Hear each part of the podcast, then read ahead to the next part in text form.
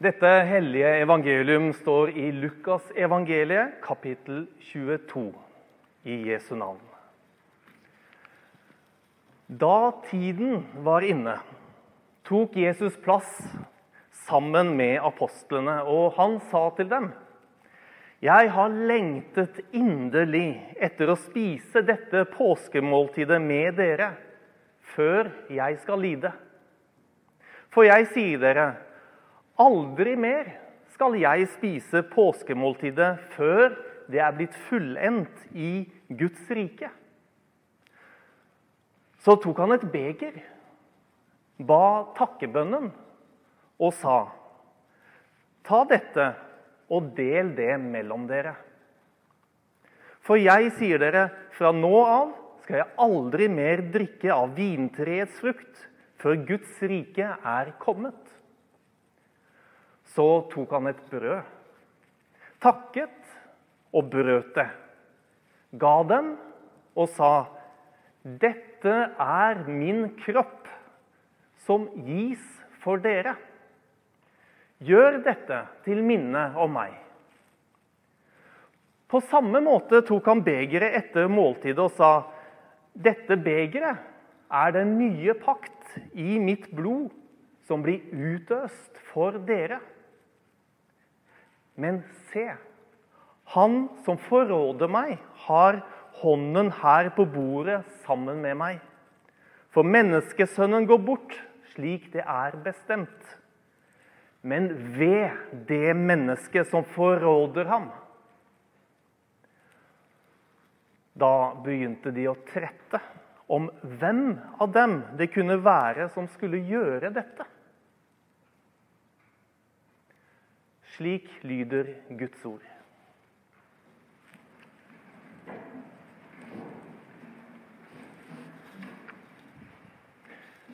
Så hvem er det da som forråder Jesus?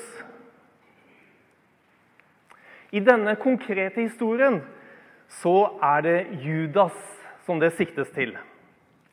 Så kjent er hans handling at navnet hans er et begrep over hele verden. Andre kjente forrædere er fra norsk historie Quisling. Det også er et begrep, et navn, som er forbundet med det å være en forræder. Det fins ingen ære i å være en forræder. Ingen vil være det. Men hva er en forræder, egentlig? Forræderi det betegner bedrag eller svik. Det er dessverre mange mennesker som opplever det blant sine nærmeste.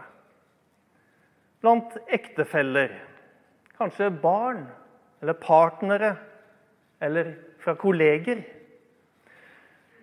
Og de som har opplevd å bli forrådt, vet hvor vondt det er. Det er som om grunnen under deg forsvinner. Det du stolte på, det du trodde var trygt, er borte. Eller virker motsatt av det du hadde tenkt deg og håpet. Grunnen svikter. Det mennesket som var ditt lys i hverdagen, er blitt i mørket. Han eller hun som var for, for deg, er plutselig imot deg. Eller er ikke der for deg lenger. Og det gjør fryktelig vondt.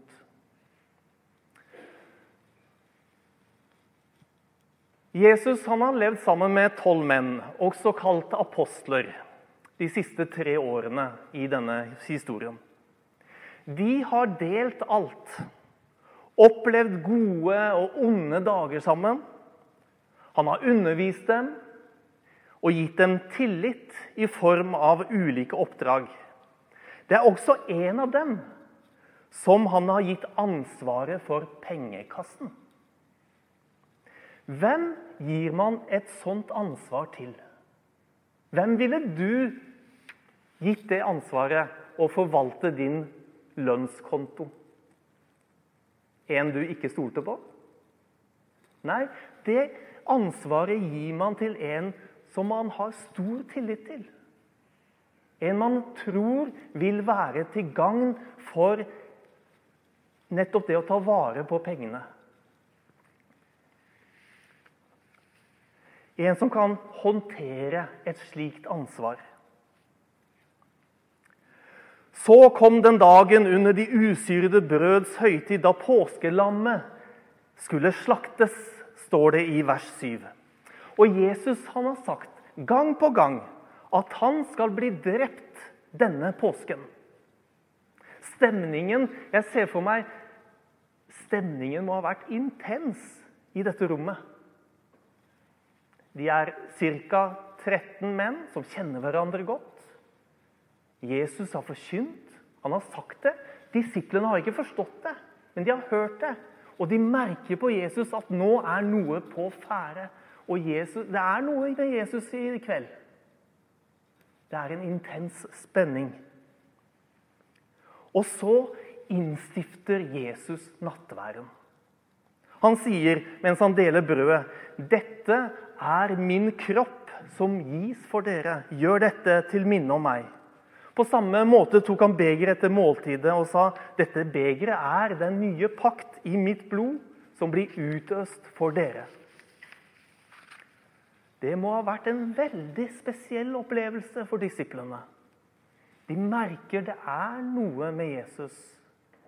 For ved starten av måltidet så sier han «Jeg har lengtet inderlig etter å spise dette påskemåltidet med dere før jeg skal lide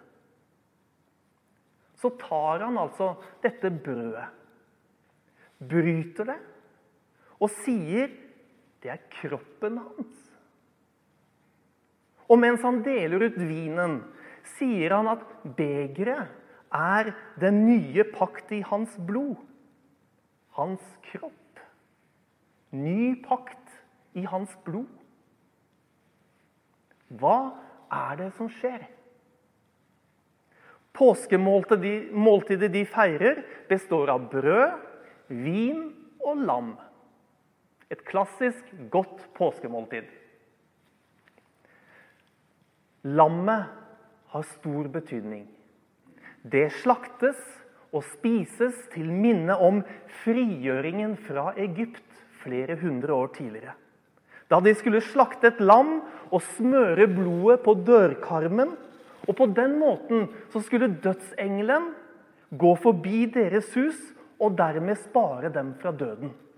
Døden kom istedenfor til egypterne, og det førte til at de lot israelittene slippe fri fra slaveriet i Egypt. Og Derfor så heter det på gresk 'pesach'. På engelsk heter det 'passover'. Eller 'gå forbi'. På norsk kaller vi det påske. Døden gikk forbi, og på den måten ble israelittene reddet fra slaveriet i Egypt. Så lammekjøttet blir spist, og vin blir drukket til minne om og i takknemlighet til lammet som ofret livet sitt for deres frigjøring. Og så sier Jesus at brødet de nå spiser, det er hans kropp. Altså hans kjøtt. Og at vinen de drikker, er hans blod. Det er en ny pakt, en ny avtale mellom Gud og folket. Den gamle avtalen den gjaldt et lam og dets blod som tegn på at de tilhørte Guds folk, så derfor måtte dødsengelen gå forbi. Den nye avtalen, den nye pakten, mellom menneskene og Gud er ikke et lam, men Jesus selv. Derfor spiser vi brødet og drikker vinen til minne om ham. Vi har fått et nytt innhold for påsken. Ikke først og fremst en frigjøring av noen hundre tusen israelitter fra slaveriet under Egypt, men en ny frigjøring for alle som tror. fra denne verdens krefter til å bli en del av Guds rike. Det som skjer, er så intimt. Det går an å komme Jesus. Ikke bare spise sammen med ham, men faktisk få del i ham gjennom det vi spiser. Og dermed blir det som skjer, enda verre. For det står Men se, han som forråder meg, har hånden her på bordet sammen med meg. For menneskesønnen går bort slik det er bestemt. Men ved det mennesket som forråder ham. Ikke rart at det ble en trette mellom disiplene på hvem det kunne være. Så hvem var det? Jo, det var Judas. Han som var blitt betrodd pengene. Han de stolte på. Han var det som bedro Jesus for 30 sølvmynter.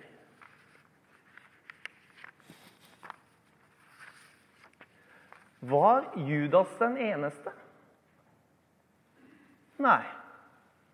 Også Peter, han som tidligere bekjente at Jesus er Messias, fornektet Jesus tre ganger før hanen gol neste morgen.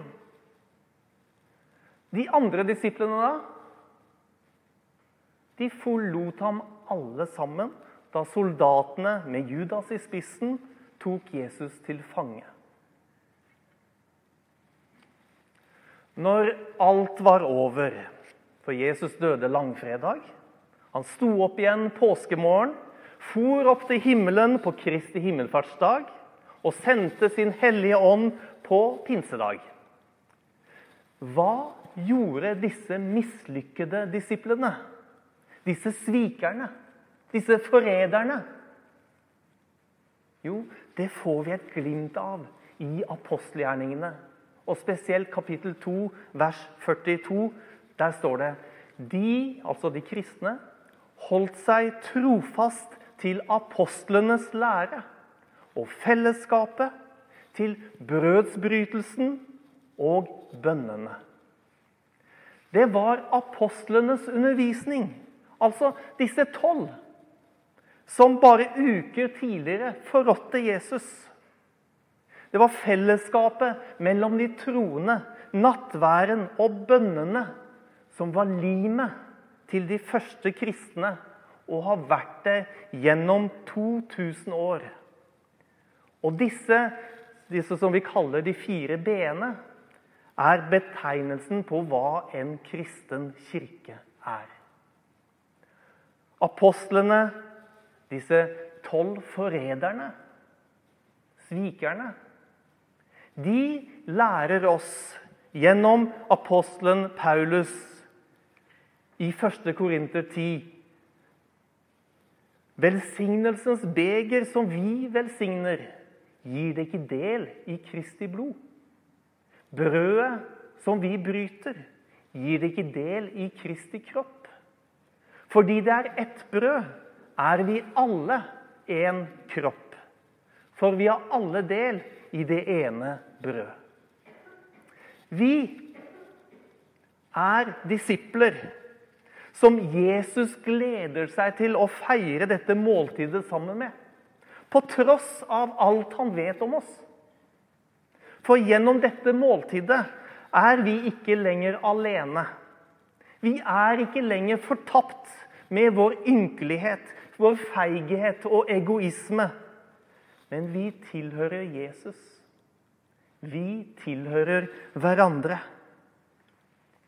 Og det understreker den samme Paulus ikke lenge etter å ha undervist om nattværen. Dere er Kristi kropp, og hver av dere et lem på ham. Den nye pakten, som Jesus innstiftet samme dag som han ble forrådt av alt og alle, den gir oss del i hans blod og kropp. Vi er ikke lenger fremmede for hverandre. Vi er nå én kropp.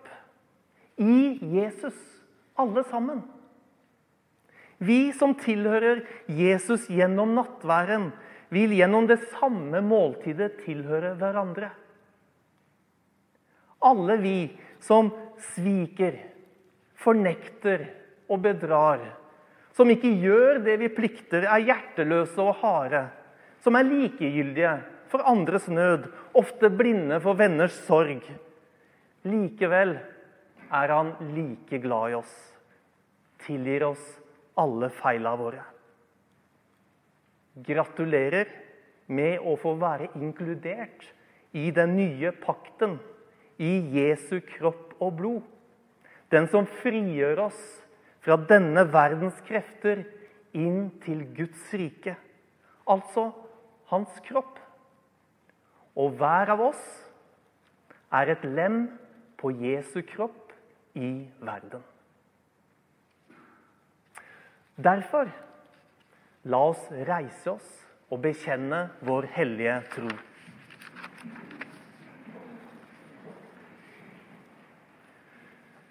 Jeg tror på Gud Fader, den allmektige, himmelens og jordens skaper. Jeg tror på Jesus Kristus, Guds enbårne Sønn, vår Herre, som ble unnfanget ved Den hellige ånd, født av jomfru Maria, pint under Pontius Pilatus, korsfestet, død og begravet, for ned til dødsriket sto opp fra de døde tredje dag, for opp til himmelen, sitter ved Guds den allmektige Faders høyre hånd, skal derfra komme igjen for å dømme levende og døde. Jeg tror på Den hellige ånd, en hellig allmenn kirke, de helliges samfunn, syndenes forlatelse, legemets oppstandelse og det evige liv. Amen.